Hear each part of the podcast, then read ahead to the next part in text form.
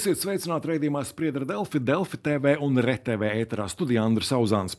Jau no elektrovilciena ilgstošā gaidīšana dramatisks veids, ka projekts RL Baltica varētu nebūt tāds, kāds sākotnēji plānots un nešķērsot galvaspilsētu Rīgu, peronu modernizācijas kavēšanās un regulāra autobusu reisu neizpildi. Tās ir tikai dažas no problēmām, kas pēdējā laikā piedzīvotas satiksmes nozarē un sabiedriskā transporta jomā. Kādu risinājumu šiem un citiem jautājumiem? Jautājumiem eh, saredz satiksmes ministrs eh, Kaspars Briškans. To šodien jautāsim ministram. Sveicināti! Sveicināti. Un eh, raidījumā piedalās arī Delfi biznesa redaktore Baiba Krasteņa. Sveika! Uh, vispirms gribēju sākt ar atskatu vēsturē. Nu, uz ekrāna varam paskatīties šo 1925. gada Latvijas dzelzceļa līniju kārtu.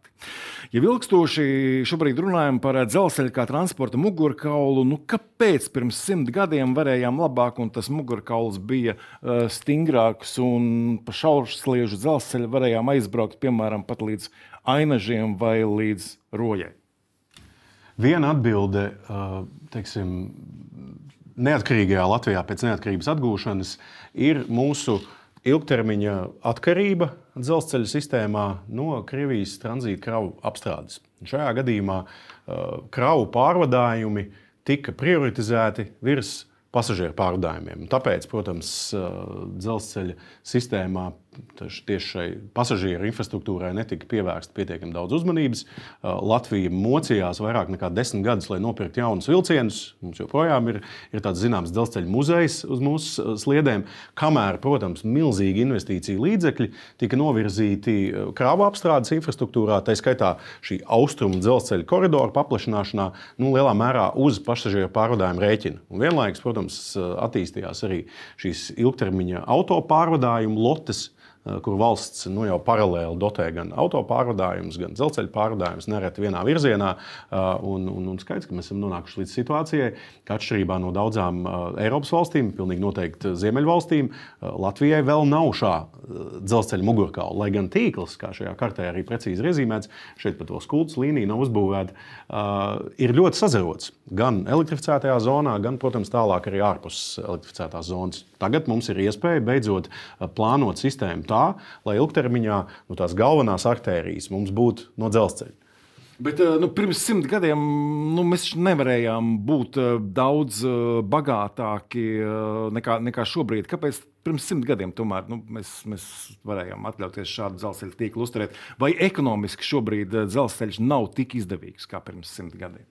Dzelzceļš noteikti arī šobrīd ir izdevīgs. Skaidrs, ka ņemot vērā, ka nav pietiekami investēts uh, dzelzceļa infrastruktūras, īpaši tajā pasažieru daļā, uh, uzturēšanā, izveidē, staciju attīstībā, normāla perona izveidošanā, normālas pievadu infrastruktūras veidošanā. Skaidrs, ka šobrīd mums ir milzīgs uh, investīciju deficīts, nu, ko mēs nevaram tā vienā, vienā nedēļā ātri noķert daudz gadu garumā neizpildītos darbus. Savulaik arī, kā mēs redzam, vēsturiski Latvijā izveidojās šis pietiekami sazarotais dzelzceļa tīkls. Jo, nu, acīm redzot, pat simts gadus atpakaļ bija izpratne, kas tajā laikā, protams, arī daudz kur pasaulē valdīja, nu, ka dzelzceļš ir tas gan mobilitātes, gan loģistikas mugurkauls kas nodrošina arī daudz zemākus pārvadājumu izmaksas. Nu, tāpēc valsts tajā laikā dzelzceļā investēja. Nu, daudzas valstis turpināja šo attīstību. Latvija vismaz pēc neatkarības atgūšanas daudzos jautājumos bija stāvējusi uz vietas, īpaši attiecībā uz pasažieru pārvadājumiem. Tagad būsim sagaidījuši drīzumā jaunos elektrovilcienus uz ekrāna. Varam paskatīties šo jūsu ierakstu vietnē X, ka pirmais brauciens ar jauniem elektrovilcieniem paredzēts jau decembrī. Vai šobrīd nu, jau kaut kādas dienas ir pagājušas kopš, kopš šīs ziņas, vai šobrīd jau var to precīzo datumu pateikt, kad tas varētu notikt? Tas būs decembra vidus. Iespējams, pats pats vidus. Precīzi datumu es apstiprināšu, tad, kad būsim ar visām pusēm saskaņojuši šo konkrēto datumu. Bet, jā, visticamāk, pirmais tāds svinīgais maršruts mums būs Rīga, Dubulti Rīga. Šim pirmajam braucienam, protams, ir ļoti daudz cilvēku, kas laika gaitā savu roku ir pielikuši šī projekta attīstībā, gan pasažieru vilcienu vilcienu kolēģi, dzelzceļa tehniskās inspekcijas, dzelzceļa administrācijas, Latvijas dzelzceļa kolēģi, arī mani politiskie priekšgājēji, arī ministrijas ierēģi, finanšu ministrijas ierēģi, daudzi partneri arī Eiropas līmenī. Katrā ziņā tie būs svētki visiem, kas ir projektā bijuši iesaistīti, un pats galvenais svētki tiem pasažieriem, kas beidzot varēs ar moderniem, mūsdienīgiem vilcieniem komfortabli, ārti un droši pārvietoties. Sākotnēji nu, elektrificētajā tīklā. Zinām, mulsums saistībā ar šo jūsu paziņojumu. Ar to tur bija pieminēta šī laišana tirgu, kas arī zinām, mulsumu izraisīja. Ko tas nozīmē no ierēģu valodas tulkojot, un kāpēc vilciens nevarēja jau nu, tā, nākamajā dienā pēc šī paziņojuma, pēc šīs atļaujas saņemšanas nodot lietošanā pasažieriem? Jā, laišana tirgu ir ļoti precīzs, specifisks nozares termins, kas paredz to, ka tad, kad konkrēts vilciena tips eh, tiek certificēts, iekļauts Eiropas dzelzceļa aģentūras vilcienu reģistrā, viņu ir iespējams laist tirgu. Attiecīgi, tiek ir iespējams tajā brīdī uzsākt eh, pārvadājumus, nu, tīri teorētiski, ar, šie, ar šo konkrēto vilcienu tipu. Lai praktiski mēs nonāktu līdz brīdim, kad vilciens var uzņemt pasažierus un sākt uh, kustībā pārvadāt pasažierus, uh, pasažieru vilcienam ir jānoslēdz teiksim, šo vilcienu pieņemšana īpašumā, ietveršana valsts dzelzceļa administrācijas eh, ritekļu reģistrā, un tad, protams, varam jau sākt eh, komerciāli šo vilcienu izmantošanu. Bet tā konkrētā laišana tirgu nozīmē konkrētā tipa certifikācijas procesa noslēgšanu. Jaunu elektrovilcienu ļoti ilgā testēšana un certificēšana. Vai kaut ko bija iespējams izdarīt ātrāk, negaidot, lai mums pa sliedēm ripotu nu, vairāk nekā gadu veci vilcieni? Eh, noteikti eh, uz drošību un eh, šāda veida svarīgo standartu, certifikācijas standartu ievērošanu kompromiss nekāda nedrīkst būt un nedrīkstēja būt. Bet vienlaikus šeit noteikti gribu uzteikt dzelzceļa tehniskās inspekcijas darbiniekus, visus citus ekspertus, arī pasažieru vilcienu komandu, kas ir nu, nepagurstoši strādājuši, lai šis certifikācijas process būtu pēc iespējas īsāks. Skaidrs, ka šeit ir ļoti svarīga loma uh, Eiropas dzelzceļa aģentūrai, kas bija cieši iesaistīta šajā procesā. Uh, es uzskatu, ka nu, tajā teiksim, certifikācijas noslēguma fāzē uh, procesi ritēja ļoti, ļoti ātri. Tagad ir palikuši jā, tie pēdējie mājas darbi, lai pārliecinātos, ka tie, kas, tie vilcieni, kas ir sakomplektēti, kas ir gatavi uzsākt kustību, eh, ka viņi ir, ir, ir, ir, ir pilnā kārtībā, eh, lai tur uzņemtu pasažierus. Protams, rēķinamies ar to, un es savulaik eh, atceros arī, kā Air Baltica flotē ienāca šīs tā, tajā laikā Bombardier C-Series, šobrīd Airbus A220 lidmašīnas. Protams, ka pirmajiem vilcieniem nu, var parādīties kaut kādas tādas pir, pir, pirmie zobiņi, kā mēs nozarē sakām Skaidrs, ka tos pakāpeniski novērsīs, bet svarīgi ir tas, ka beidzot mūsu pasažieri var braukt ar šiem jaunajiem, skaistiem vilcieniem. Bet kad uz sliedēm reāli varētu nonākt visi, visi šie jaunie elektrovilcieni? Mēs, tā, tā, tā bija vēl viena mana prioritāte. Oktobrī, vienā no pirmajām nedēļām ministra amatā, es aizbraucu uz, uz Ostravu, kur šie vilcieni tiek ražoti. Tikos ar Skodas vadības. Es pateicu, ka man ir divas galvenās prioritātes. Es vēlos, lai Latvijas iedzīvotāji varētu pirms Ziemassvētkiem braukt ar jauniem vilcieniem, un otrs, lai mēs varētu uh, nopirkt pēc iespējas vairāk vilcienus, īpaši no šiem pirmajiem 23, kas ir līdzfinansēti ar Eiropas Savienības atbalstu, lai pēc iespējas lielāku daļu naudas mēs paspētu apgūt. Jo veids, kā, kā pērk vilcienus, ir teiksim, šī vilciena kopējā cena, un viņi tiek sadalīti uz pusēm. Ir tā saucamā rūpnīcas saņemšana un tālāk jau gala saņemšana teiksim, rūpnīcas saņemšana notiek teiksim, vien, vienas stadijas process, tur tiek samaksāts 50% avans, un tālāk, jau, kad pasažieru vilciens pārņem pilnībā savā īpašumā, tad norēķinās par šo otru daļu. Un man bija ļoti svarīgi, lai valsts neriskētu uh, pazaudēt līdzekļus, un diemžēl uh, iepriekš šie riski jau bija. Bija skaidrs, ka būs jāpārdala līdzekļi. Nu, mēs esam mēģinājuši strādāt tā, lai pēc iespējas šo summu uh, minimizētu. Uh, atbildot precīzi uz jautājumu, uh, līdz gada beigām visticamāk 19 vai 20 sastāvi būs Latvijā pieejami.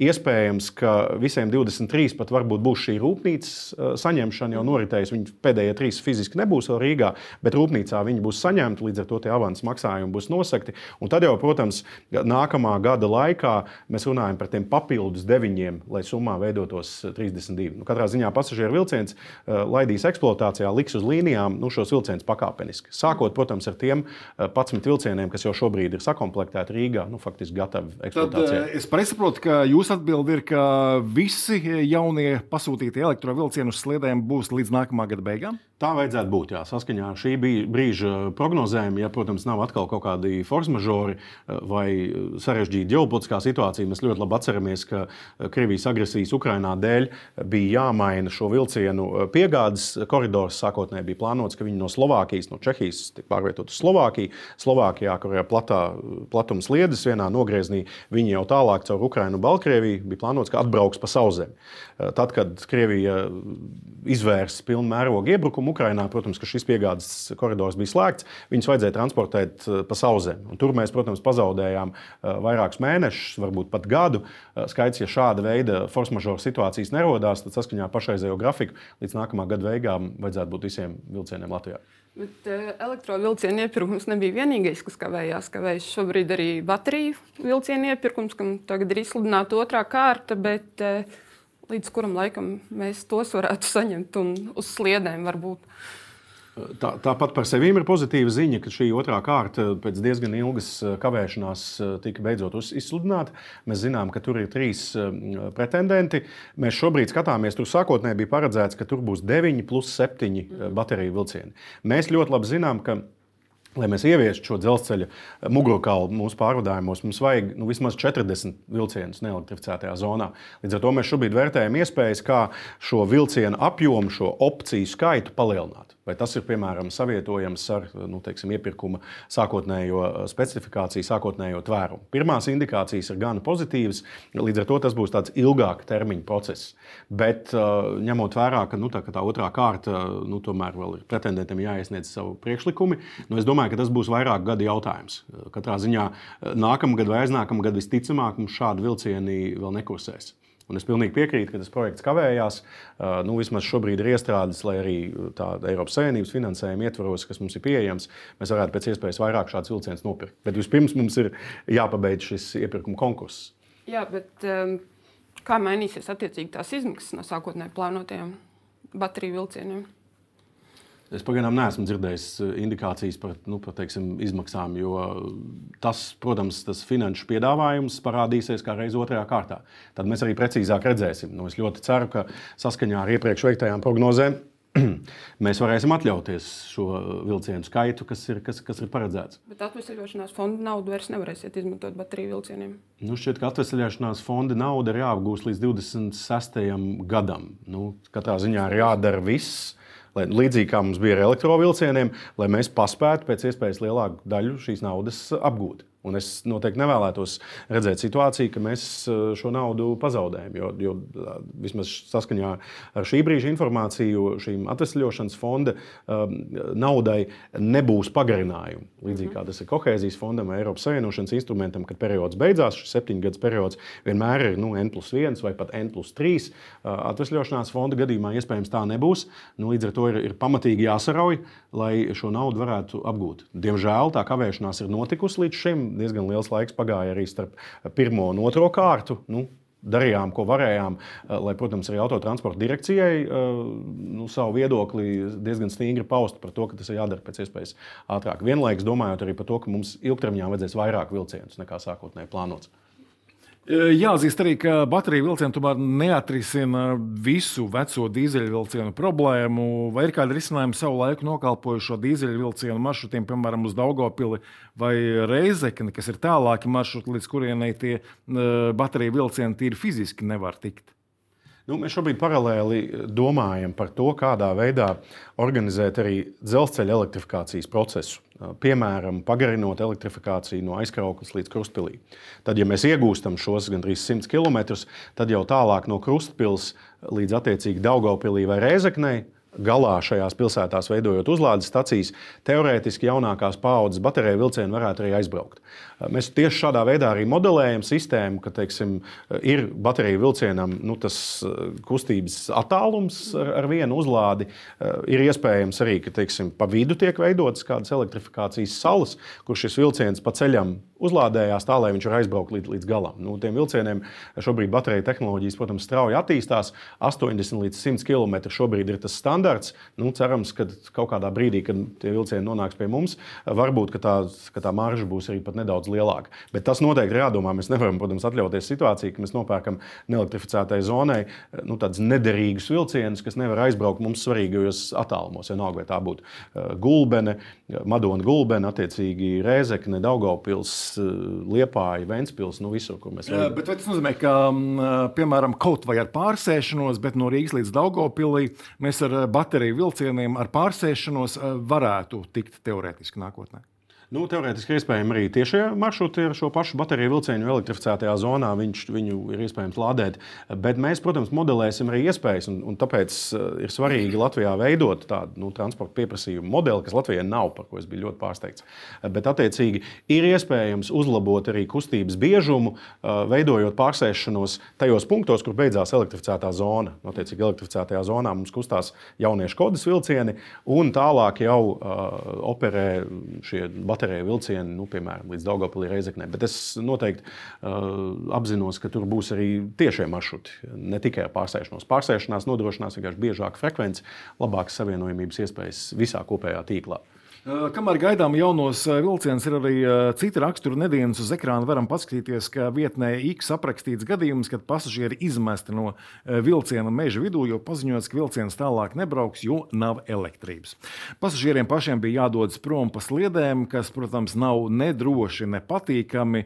Kā šāda situācija tika pieļauta un ko iespējams darīt, lai kaut kas tāds neatkārtotos?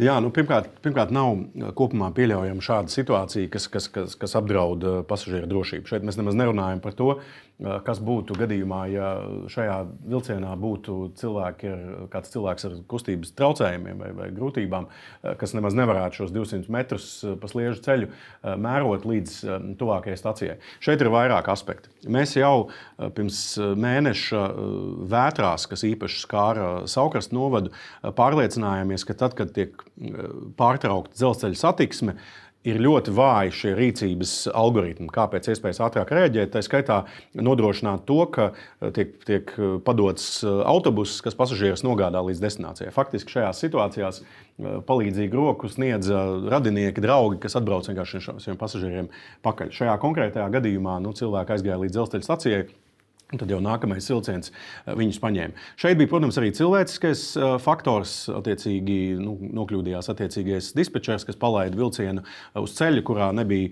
kurā bija noņemts spriegums. Tāpēc, ka Jālgavas līnijā šobrīd notiek elektrotīkla modernizācija.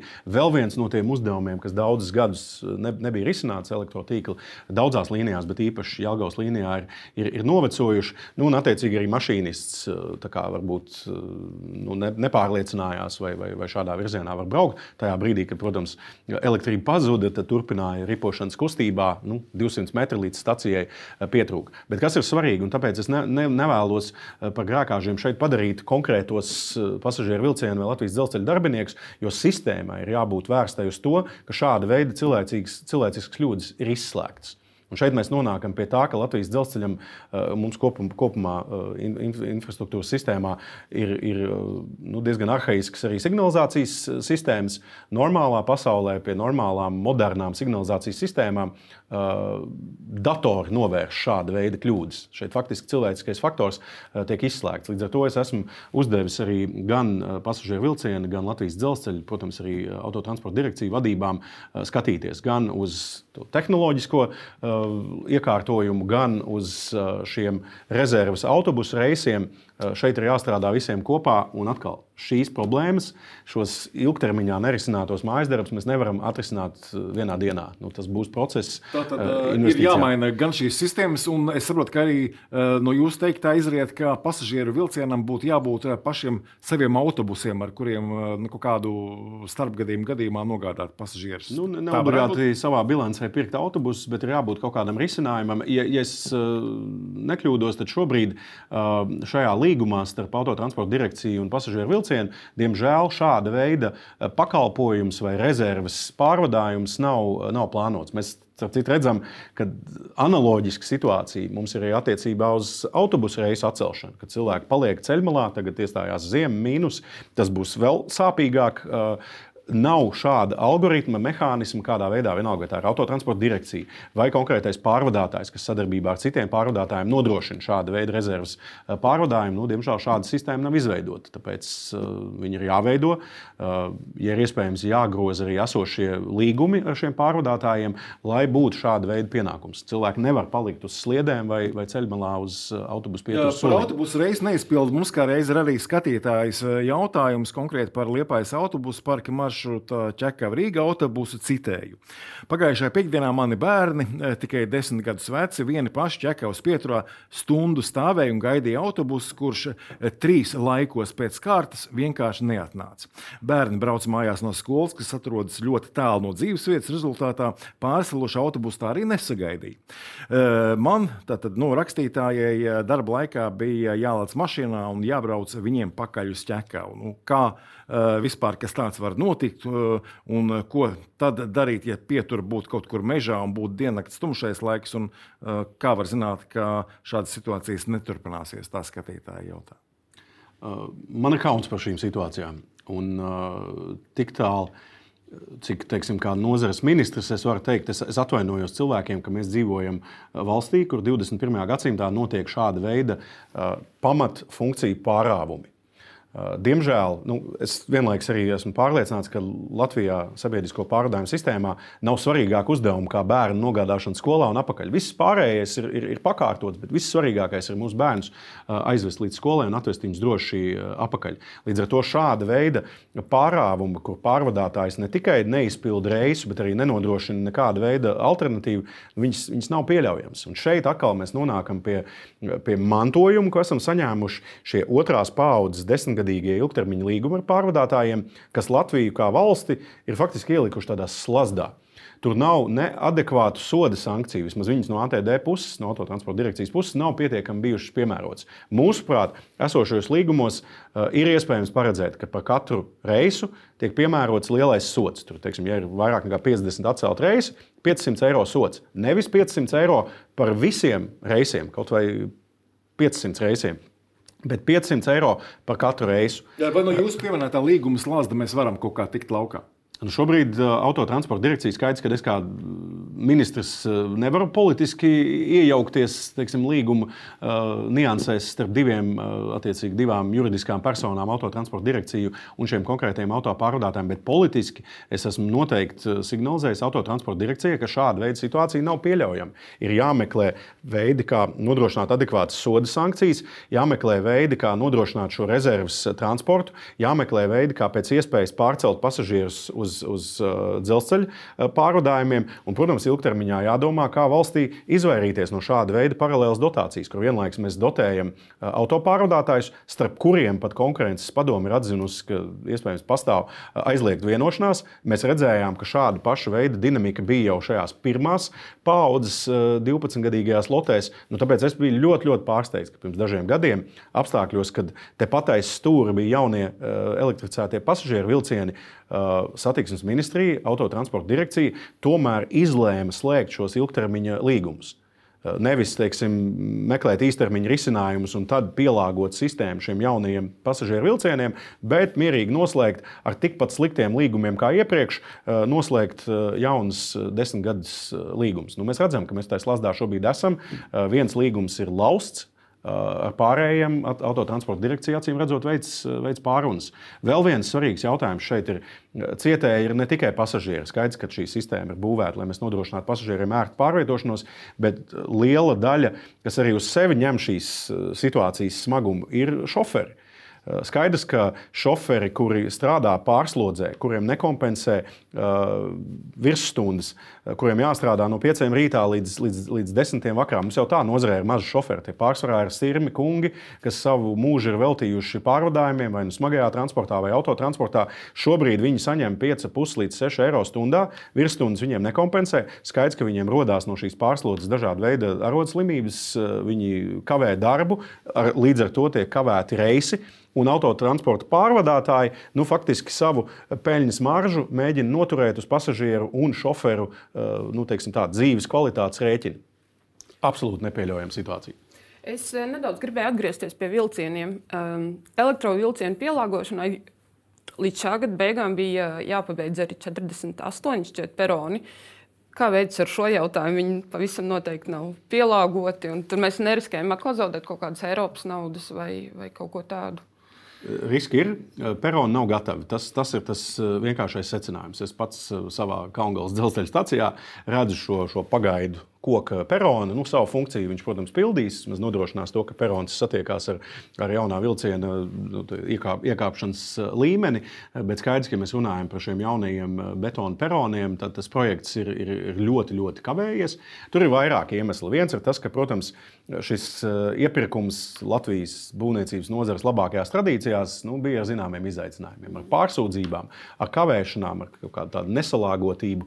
Es pats atceros, turpat Kaungalē šos betona betona veidņus eh, priekš perona izbūves, viņus atveda jau vairāk nekā gadu atpakaļ. Un tā viņi tur, protams, pagājušā ziemā visu šo vasaru eh, smuki nostāvēja. Nu, tagad lēnām tas process ir, ir sarosījies. Bet eh, otra teiksim, tā, problēmas atslēga bija savulaik, kad, kad pārdalīja ļoti politizēto dzelzceļa elektrifikācijas projektu, kur, protams, arī bija salikts dažādas utopiskas dzelzceļa kravu pārvadājumu prognozes. Līdz ar to es piekrītu, ka viņš tajā laikā bija pārvērtējams, bet viņš teiksim, pilnībā paņēma šos elektrifikācijas lietas lietas ārā, pat tās, kas būtu bijušas vajadzīgas. Un tad lielā steigā to naudu pārdalīja attiecīgi pasažieru elektrovielcieniem un peroniem. Un tas, protams, to iespēju logu nu, sašaurināja vēl mazāk. Un tagad, protams, mēs redzam, ka līdzīgi kā jau tajā laikā varēja daļēji prognozēt, tas process ir iekavējies arī dažādu Latvijas iepirkumu un, un, un būvniecības nozares specifikas un nianšu dēļ. Un te mēs, protams, jā, reāli riskējam naudu pazaudēt, ja mēs to naudu nepaspējam apgūt. Un, protams, mēs strādājam arī ar Finanšu ministriju, lai iespēju robežās pārdalītu, līdzīgi kā mums izdevās arī to naudu, ko mēs nepaspējam apgūt attiecībā uz elektrovielcieniem, pārdalīt šajā gadījumā energo atbalstam cilvēkiem. Tā, tā nauda vismaz nepazūd šajā atjaunošanās mehānismā, tur, protams, ir reāli riski, ka, ka nauda var pazust, jo viņi nevarēs eh, ne paspēt, ne arī teiksim, no tā nosacījumu tvēruma nedrīkstēs pārdalīt. Ja neapgūstam to naudu, vai tas nozīmē, ka kāda daļa no tiem peroniem paliks nepārbūvēta? Nu, iespējams, ka tad būs jāpārprogrammē un jāmeklē iespējas to nofinansēt no citiem uh, līdzekļiem. Līdz kuram brīdim jāpaspēj apgūt? Man jāpastāsta precīzi šai, šai konkrētajai programmai, kāds bija teiksim, tas, tas, tas laika ietvars. Bet nu, skaidrs, ka šobrīd maksimāli ātri tie darbi tiek, tiek veikti, lai šāda veida riski nebūtu. Un skaidrs, ka tam ļoti aktīvi seko arī Finanšu ministrija, nu, kas meklē iespējas šos līdzekļus pārdalīt. Bet mums ir katrā ziņā zināma problēma, kas ir saistīta arī ar, ar, ar šiem nākotnes elektrifikācijas projektiem, jo tur arī ir šī atjaunošanās un noturības mehānisma nauda, kurai ir 26. gada termiņš. Nu, jautājums, vai šobrīd vēl neuzprojektētus elektrifikācijas projektus ir iespējams realizēt nu, faktiski trīs, trīs gadu laikā. Un tur riski noteikti pastāv. Šobrīd arī ministrijā, nu, saņemot visu šo saimniecību mantojumā, eh, mēs pārskatām visu investīcijas programmu. Tur faktiski ir vairākas dimensijas. Viens ir prioritizācija, kas ir tās lietas, kurās mēs vēlamies investēt. Otrs ir uh, projekta gatavības pakāpe, lai mēs neieliktu šajā teiksim, projekta uh, kopumā negatavus projektus, kas gandrīz droši nepaspēs līdz, līdz laika beigām uh, tikt realizēti. Un tad, protams, jā, konkrētā finanšu programma un viņas nosacījumi, tā skaitā termiņi. Nu, tas, tas nav viegls darbs. Eh, ir daudzas lietas, kas ir saprogrammētas, eh, kurām ir šie eh, kavējumi un iespējami naudas neapguves riski. Darām, ko varam, lai, lai tās prioritātes pamainītu. Uh, viens ļoti svarīgs temats uz ekrāna varam paskatīties, ka, manuprāt, pat šokējošas ziņas turpina parādīties par situāciju ar Real Baltica. Nu, vai tiešām varam nonākt līdz situācijai, ka, piemēram, lidostā uzbūvējam staciju, bet sliedas līdz turienei neiet? Uh es šādu scenāriju nepieļauju, jo politiski Rīgas integrācija ir Latvijas prioritāte. Man kā ministram nav nekā svarīga Real Baltikas projektā, kā Latvijas pamat intereses. Un šajā gadījumā es pats biju viens no savulaik idejas autoriem. Tas jau bija tālākajā 2012. gadā. Pirms vēl radās visas šīs regulas, kur rezultātā Real Baltiku varēja sākt finansēt, ietvert pasažieru pamatlīniju Real Baltica Rīgā. Jo arī tas viens sākotnējais maršruts, kas tika izstrādāts sen, sen atpakaļ, arī zīmē šo līniju, kas iet garām Rīgai ar tādu nu, ievadu no upes lejām līdz Rīgas centrālajai stacijai. Tas, ko mēs panācām un arī sarunās ar Eiropas komisiju pirms vairāk nekā desmit gadiem aizstāvējām, bija šī caurbraucošā līnija, kas savieno centrālo staciju, tālāk Rīgas starptautisko lidostu un, protams, tālāk uh, uz, uz dienvidiem. Jo mums bija svarīgi, ņemot vērā, ka Rīga ir lielākā Baltijas aglomerācija, Rīgas lidosta ir svarīgākais aviācijas mezgls, nodrošināt nu, tādu Eiropas līmeņa savienojamību gan pilsētai, gan Rīgas uh, lidostai. Skaidrs, ka šis posms cauri Rīgai, īpaši posms starp centrālo staciju un Rīgas lidostu, tehniski ir viss sarežģītākais visā 900 km trasē. Mēs labi apzināmies, eh, ka tur pastāv riski, nu, teiksim, ka tās lietas ir ilgāk nekā 20, 30. Eh, Tas, ko mēs šobrīd eh, darām, un atkal. Es neatbalstīšu scenārijus, kuros Rīga netiek integrēta Real Baltica trasē. Bet šobrīd, ņemot vērā, ka ir vienošanās ar Eiropas Savienību, ka līdz 20 30. gadam ir jānodrošina funkcionāls savienojums starp uh, trīs Baltijas valstīm un tālāk uz, uz Poliju.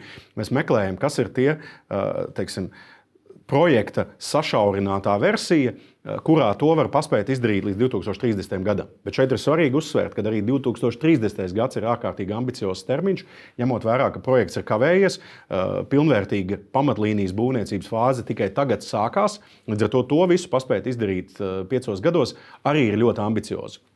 Bet mums ir svarīgi atrast tādu eh, teiksim, projekta funkcionālo tvērumu, jeb projekta apjomu pirmajā fāzē līdz 2030. gadam, ko mēs kopīgi ar Eiropas Savienību varam atļauties. Kas ir tas kopējais teiksim, kapitāla ieguldījuma apjoms, kas ir ļoti būtiski pieaudzis? Un man ir žēl, ka iepriekš uh, politiskā līmenī, pie tam visās trīs Baltijas valstīs, uh, šis noslēpums tika turēts. Šobrīd ir tāds patiesības moments. Uh, mēs, kas savulaik arī es personīgi, kas savulaik projektā darbojās, mēs labi zinājām, ka tas, tās aplēses, kuras pirms vairāk kā septiņiem gadiem paredzēja to sākotnējo kapitāla ieguldījumu apjomu, ka viņas nav, nav patiesas, ka tas reālais apjoms būs daudz, daudz, daudz lielāks. Un tāpēc mēs arī savulaik 2019. Eh, gadā, eh, es arī kā starptautiskā kopuzņēmuma darbinieks tajā laikā kopā ar 60 citiem eh, uzņēmumu darbiniekiem mēs cēlām trauksmi. Aicinājām gan Baltijas transporta ministrus, gan Eiropas Savienības partnerus paraudzīties uz projektu pārvaldību, kur ir ļoti liels problēmas līdz šim bijušas, kas arī ir pamatā tam, ka projekts ir kavējies, arī tam, ka projekta izmaksas ir pieaugušas, arī tam, ka valstis nenodrošina šim projektam pietiekamu caurskatāmību. Nu, tagad beidzot patiesības brīdī nāk ārā. Šī pārvaldība, mm, te mēdz būt arī vārds un uzvārds. Ir vairāki, vairāku līmeņu teiksim, atbildība. Šis projekts, protams, kā jau nu, tāds mega projekts, daudz miljardu, nu, tiek pārvaldīts dažādos līmeņos. Ir uh, satiksmes ministrija, kur, protams, ir satiksmes ministri, kas nes uh, politisku atbildību par, par projektu realizāciju. Tā kā es tagad, kopš 15.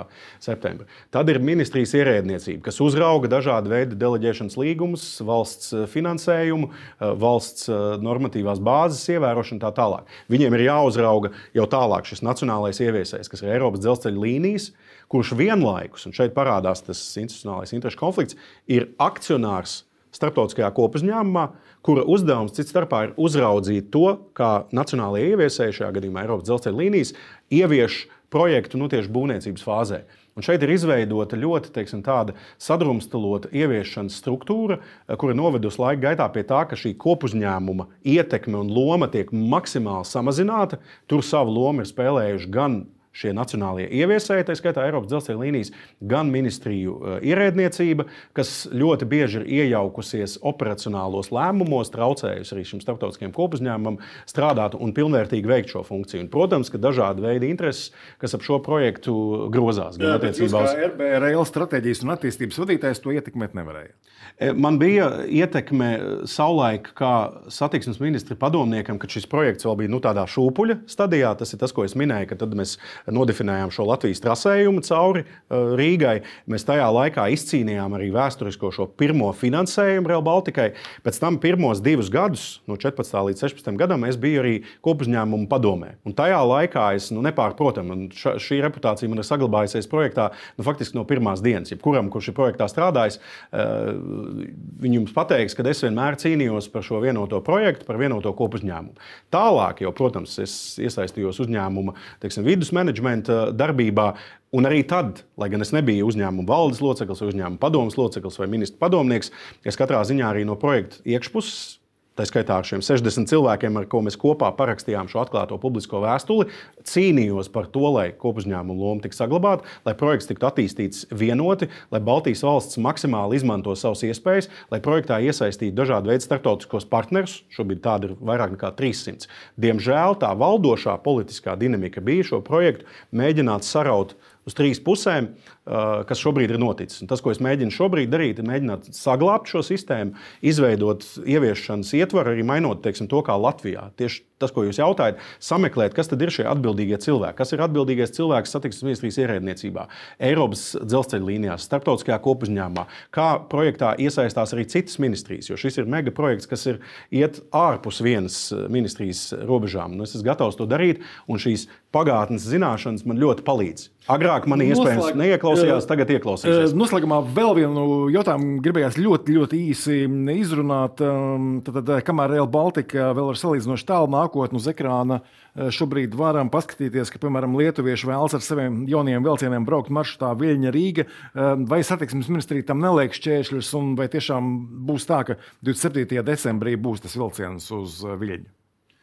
Nu, datums katrā ziņā es, es, es nevaru garantēt, jo tur ir vesela virkne tehniska procedūra, kas ir, kas ir jāveic, um, tās pašas certifikācijas, licences iegūšanas un tā tālāk. Uh, tur es pilnībā paļaujos uz, uz kompetentajām iestādēm, bet līdzīgi kā es apliecināju saviem Baltijas valstu kolēģiem, uh, es noteikti atbalstu dzelzceļa savienojumības starp trīs Baltijas valstīm. Tā ir vēl viena līnija, Rīga-Viļņa būs. Būs. Es negarantēju, ka 27. decembrī, bet šāda veida pārvadājumi gan Lietuvas virzienā, gan Igaunijas virzienā, cerams, arī ar mūsu pasažieru vilciena eh, iesaisti būs. Igaunijas virzienā Tartu, Tallina. Pasažieru vilciens jau diezgan ilgstoši meklē iespējas pagarināt mūsu esošo valkas maršrutu līdz Tartu, Igaunijai no savas puses, ņemot vērā, ka Tartu būs Eiropas kultūras galvaspilsēta 25. gadā. Nu šķiet, ka At atradīsim.